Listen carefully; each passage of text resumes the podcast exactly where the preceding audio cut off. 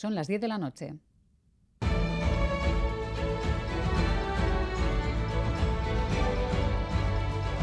Radio Euskadi y Radio Vitoria. Servicios informativos.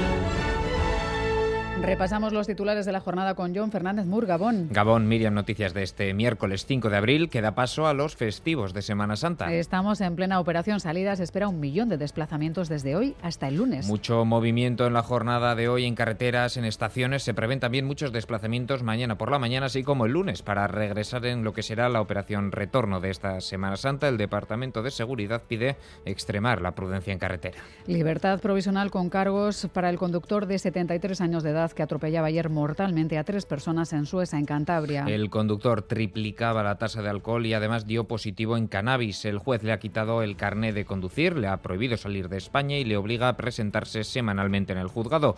Pero como está bajo tratamiento psiquiátrico por depresión, cree que ingresarle en la cárcel agravaría sus problemas. Recordemos que dos de los eh, tres fallecidos eran eh, de Sestao, una mujer y su hijo de 42 y 19 años. Después de que el sindicato ELA anunciara la ampliación de la huelga de las trabajadoras de la limpieza subcontratadas por Osakidecha, el gobierno vasco ha ordenado a las empresas adjudicatarias una limpieza extraordinaria del Hospital Donostia. El Ejecutivo argumenta que la situación de insalubridad y suciedad se ha acrecentado y considera que hay un elevado riesgo de incendios por la gran cantidad de cartón y bolsas de plástico acumuladas, situación que ocurría horas después de que tras casi 40 días de huelga, ELA anunciara que el paro se alarga hasta el 30 de abril. Acusan ahora al ACUA de vulnerar el derecho a la huelga. Ani Alberdi, sindicato ELA.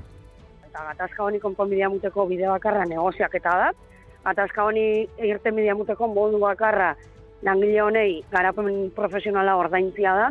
Él asegura que además del Hospital Donostia, el gobierno vasco ordena también la limpieza del Hospital de Arrasate, dos limpiezas extraordinarias que se suman a la realizada ya el lunes en Mendaro. En página internacional miramos a Israel y Palestina. En lo que va de año han muerto más de 100 palestinos y la tensión sigue aumentando de forma exponencial desde la llegada al poder del nuevo gobierno ultranacionalista de Benjamin Netanyahu. En pleno Ramadán, el ejército israelí ha entrado esta mañana en la mezquita de Al-Aqsa, supuestamente buscando a un grupo de alborotadores. La Media Luna Roja, el equivalente a la Cruz Roja, ha denunciado que fuerzas israelíes han atacado su equipo médico. Además, se han disparado cohetes desde la franja de Gaza, Israel ha bombardeado la franja y hay ya más de 300 palestinos detenidos. Y primera reunión entre Pedro Sánchez y la primera ministra italiana Giorgia Meloni desde su acceso al poder. Reunión sin críticas y con cierta sintonía, pese a que Meloni lidera una formación ultraderechista. El presidente español ha puesto el foco en cuestiones que unen a los ejecutivos español y transalpino.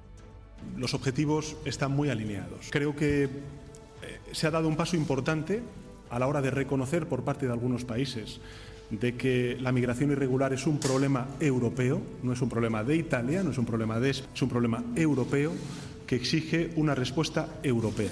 Así terminamos. Más noticias en una hora y en todo momento en itv.eus y en la aplicación ITV Albisteac. Gero arte.